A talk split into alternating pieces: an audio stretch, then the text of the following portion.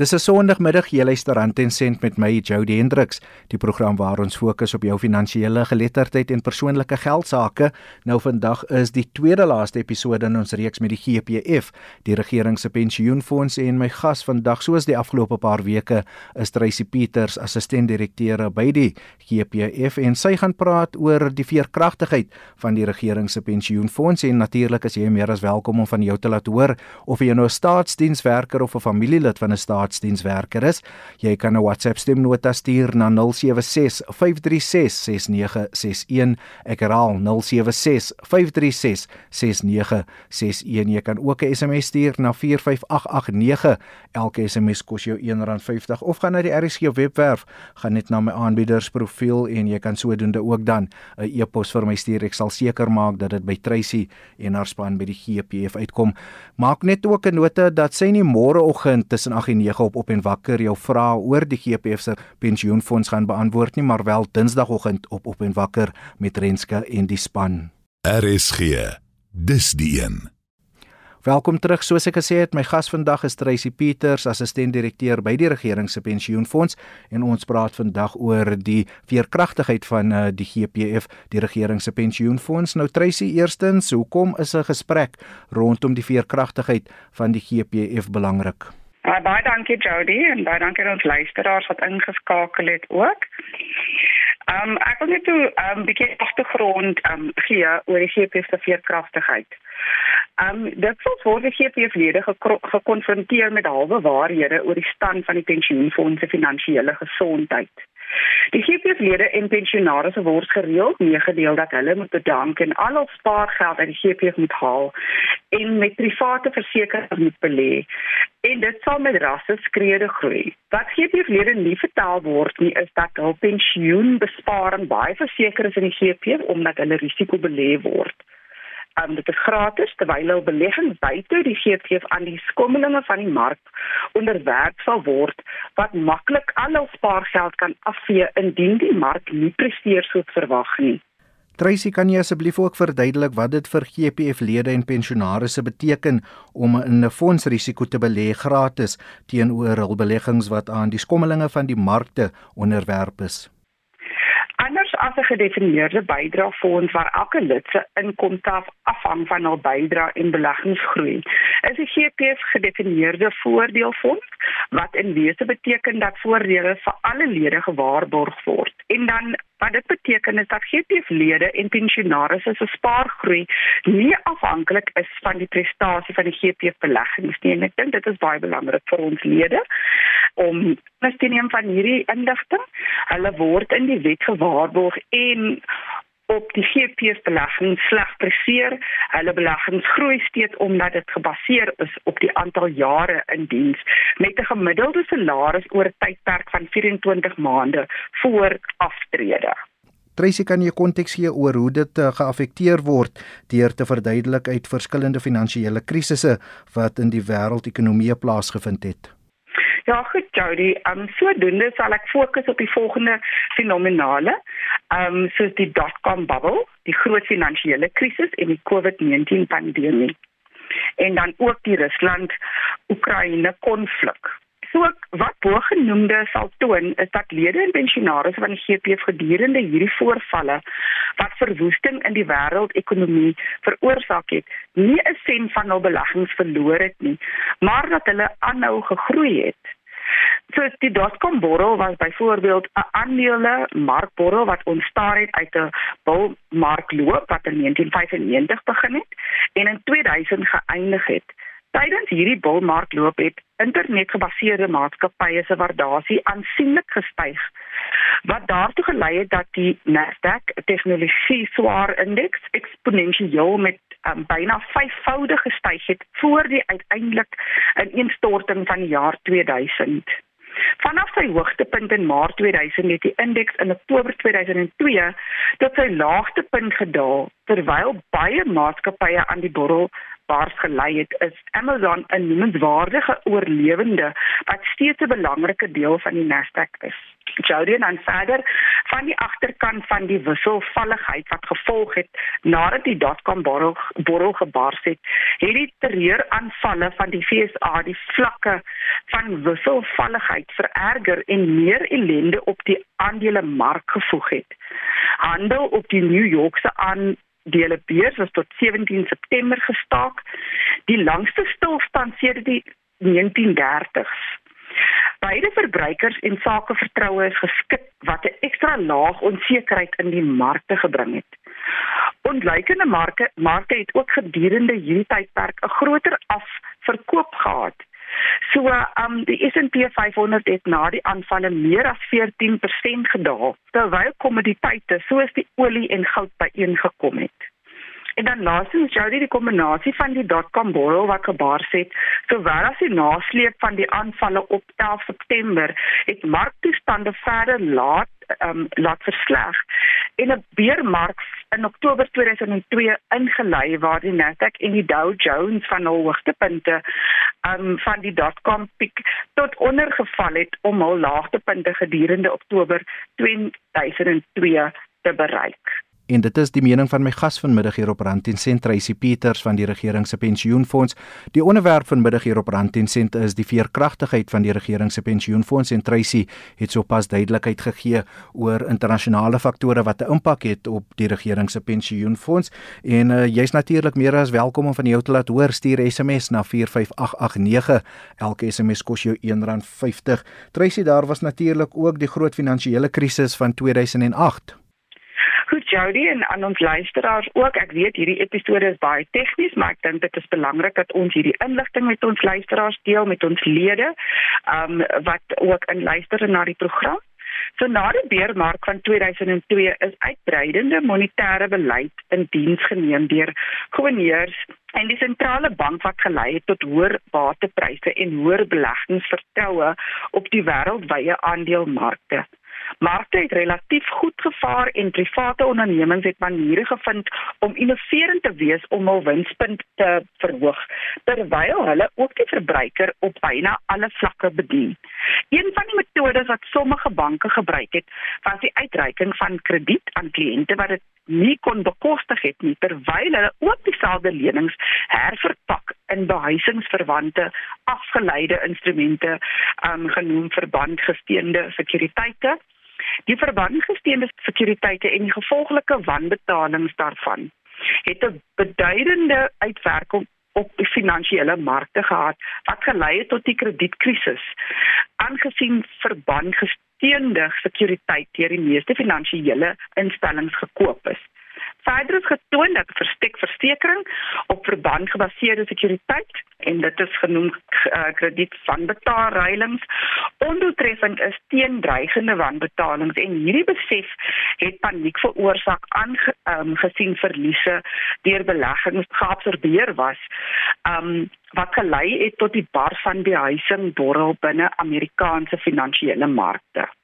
Jody en dan die in, ineenstorting van die Suprema verbandmark het globale aandelemarkte in 'n vryval gestuur met groot indeks wat dubbel syfer verliese vir die jaar aangeteken het. Vir die jaar geëindig 31 Desember 2008 het die MSCI wêreldindeks minus 43.54% gedaal. Die MSCI uh, Europe Index met uh, minus 45.89% en dan ontleikende markte het meer van 'n knou gekry met 'n opbrengs van minus 54.48% en dan die plaaslike aandelemark het 'n relatief ligter daling beleef in vergelyking met wêreldmarkte aangesien die JSE All Share minus 25.72% in die rooi was. En dan omgekeerd het die sekte indekse wêreldwyd positiewe syfers in 2008 opgelewer na mate beleggings wegbeweeg het van die aandele na veiliger bates soos effekte kontant en goud met die RSI se indeks vir alle effekte wat 'n gesonde 10.28% gelewer het en die Bloomberg Global aggregate bond indeks wat 4.79% vir die jaar geëindig 31 Desember 2008 gelewer het. En dan um Jody en dan ons luisteraars, pensioenfonde reg oor die wêreld het 'n skerp afname van die waarde van hul bates ervaar as gevolg van die afname in internasionale aandelemarkte. Dit is gevolg van die um as gevolg van die pensioenfonde wat 'n beduidende toekenning aan aandele het En afgevolg hiervan het baie pensioenfonde uh, finansieringstekorte ondervind. Aangesien die waarde van die pensioenfondsbates nie die fondse verpligtinge teenoor pensionaarsse kon nakom nie.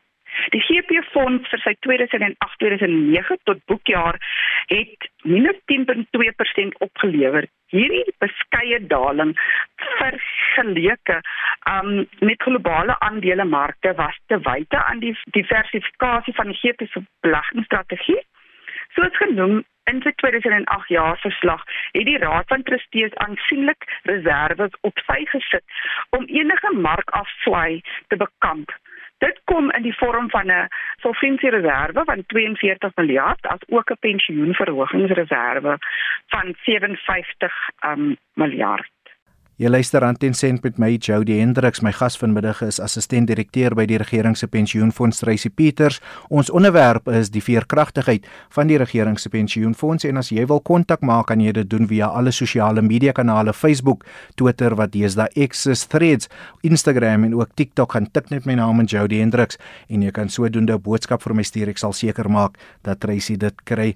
Tracy, nou ons praat oor die internasionale faktore wat 'n impak het op die groei van die regering se pensioenfonds fonds, maar daar was ook onlangs die COVID-19 pandemie.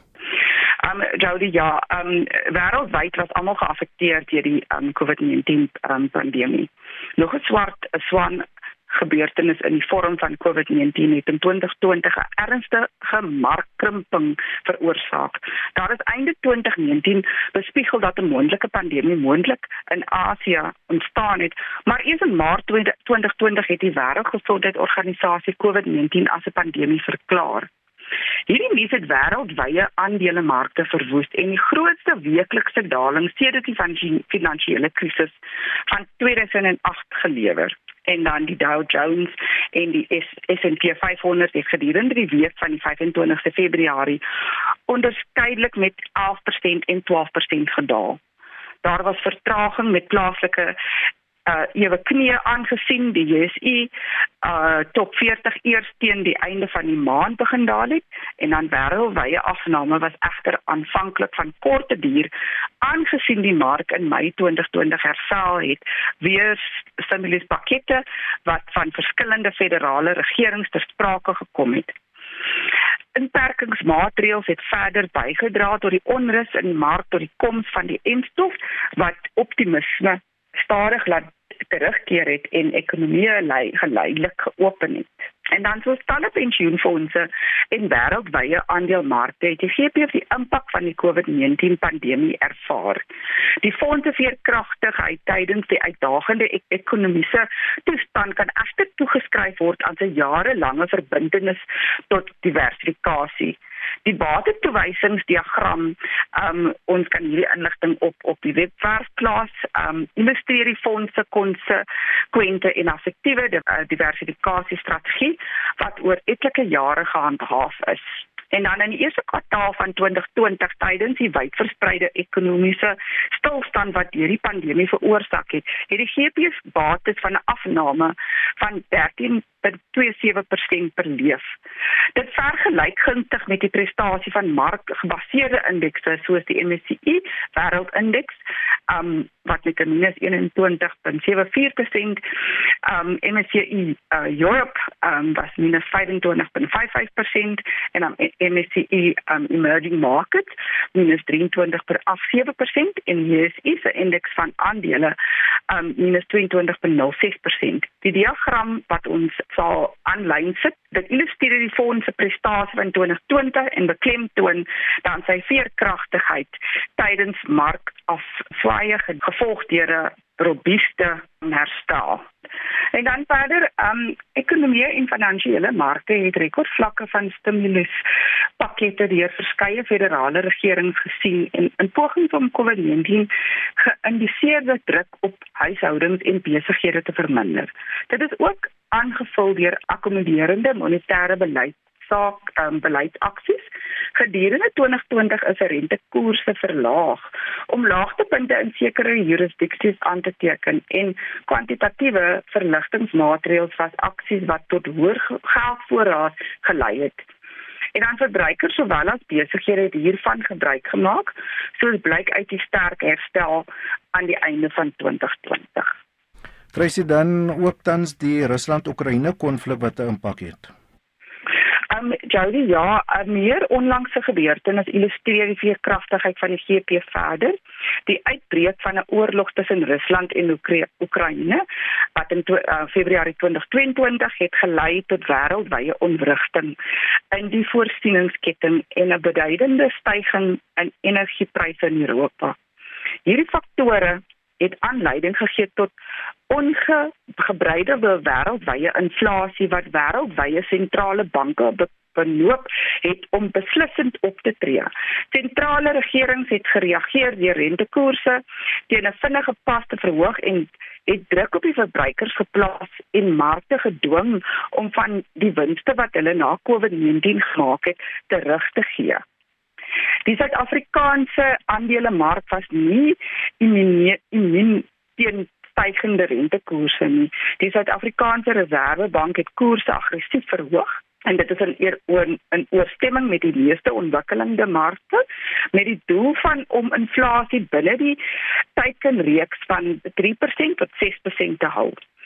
Die impak was verwoestend vir die ekonomie um, ekonomiese groei waar inflasie hoewel aanhoudend dit verminder. Prestasie die regeerpleeg teen inflasie word die grafiek um wat ons um, weer eens sal ek dan sê sal ons dan bekend maak ons ons sal dit op ons webwerf plaas. Uit hierdie grafiek let ons daarop beide die indeks van alle aandele en GP portefeulje gedurende die koersverhoging siklus gesukkel het. Dit gee vir bates wat meestal hoër opbrengste lewer. Daarbenewens het die GP se bates opbrengste gelewer wat in inflasie um oortref. En dan Jody, verder die GP fonds het mettertyd deurgangs positiewe opbrengste gelewer wat voldoende groei verseker om aan onmiddellike sowel as langtermyn laste te voldoen. Hierdie opbrengste het afgetredenis en voldoende inkomste voorsien terwyl die fonds teen inflasie beskerm is. As daar na die prestasie tot aan die einde van die huidige finansiële jaar wat 31 Maart 2023 is, gekyk word, het die fonds geanaliseerde opbrengs van 8.13% oor 'n tydperk van 10 jaar en 7.06% oor 'n tydperk van 5 jaar getoon. Op 'n mediumtermyn het die fonds geanaliseerde opbrengste van 14.62% oor 'n tydperk van 3 jaar en 8.04% oor 'n tydperk van 2 jaar behaal. So die positiewe prestasie van die GP portefeulje teenoor alle ander multi-bate portefeuilles word in um, ons grafiek um, uitgebeeld. In vergelyking met soortgelyke portefeuilles het die GP beter gevaar as die um Suid-Afrikaanse multibate hoë en medium ekwiteitsklassifikasies as ook die as die Suid-Afrikaanse buigsame multibate buigsame klassifikasie. En dan die prestasie is ook behaal terwyl 'n soortgelyke risiko profiel as die multibate klassifikasies volgens die onderstaande um soos ons uh, in die grafiek dan ook aanwys. Tracy dan net om vir die luisteraars 'n bietjie duidelikheid te gee, wat sou byvoorbeeld gebeur met 'n individu se belegging van 'n miljoen rand by die JSE se indeks van alle aandele teenoor 'n uh, vis in die GPF? Goed, dankie, dankie Jody. Uh vir die vraag toe ons um 1 miljoen ehm um, rand belê het vanaf 1 Januarie 2009 in die GP portefeulje teenoor JSE indeks van alle aandele. Daai die onderstaande ehm um, inligting aan dat 1 miljoen wat in Januarie 2009 in die GP portefeulje belê is, val op 30 Junie 2023 um, meer as 3.9 miljoen werd wees. Die verteenwoordigheid is 'n geanaliseerde groeikoers van 9.95%.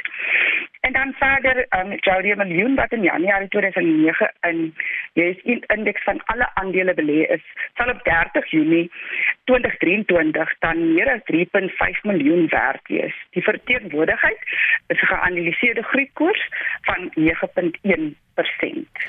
Tracy en jou gevolgtrekking van dit? Die gevolgtrekkings aan dui op die GPS beleggingsstrategie, die vraag na sy grootte en sy algemene veerkragtigheid, lewer 'n belegging in GPS portefeulje baie beter opbrengste.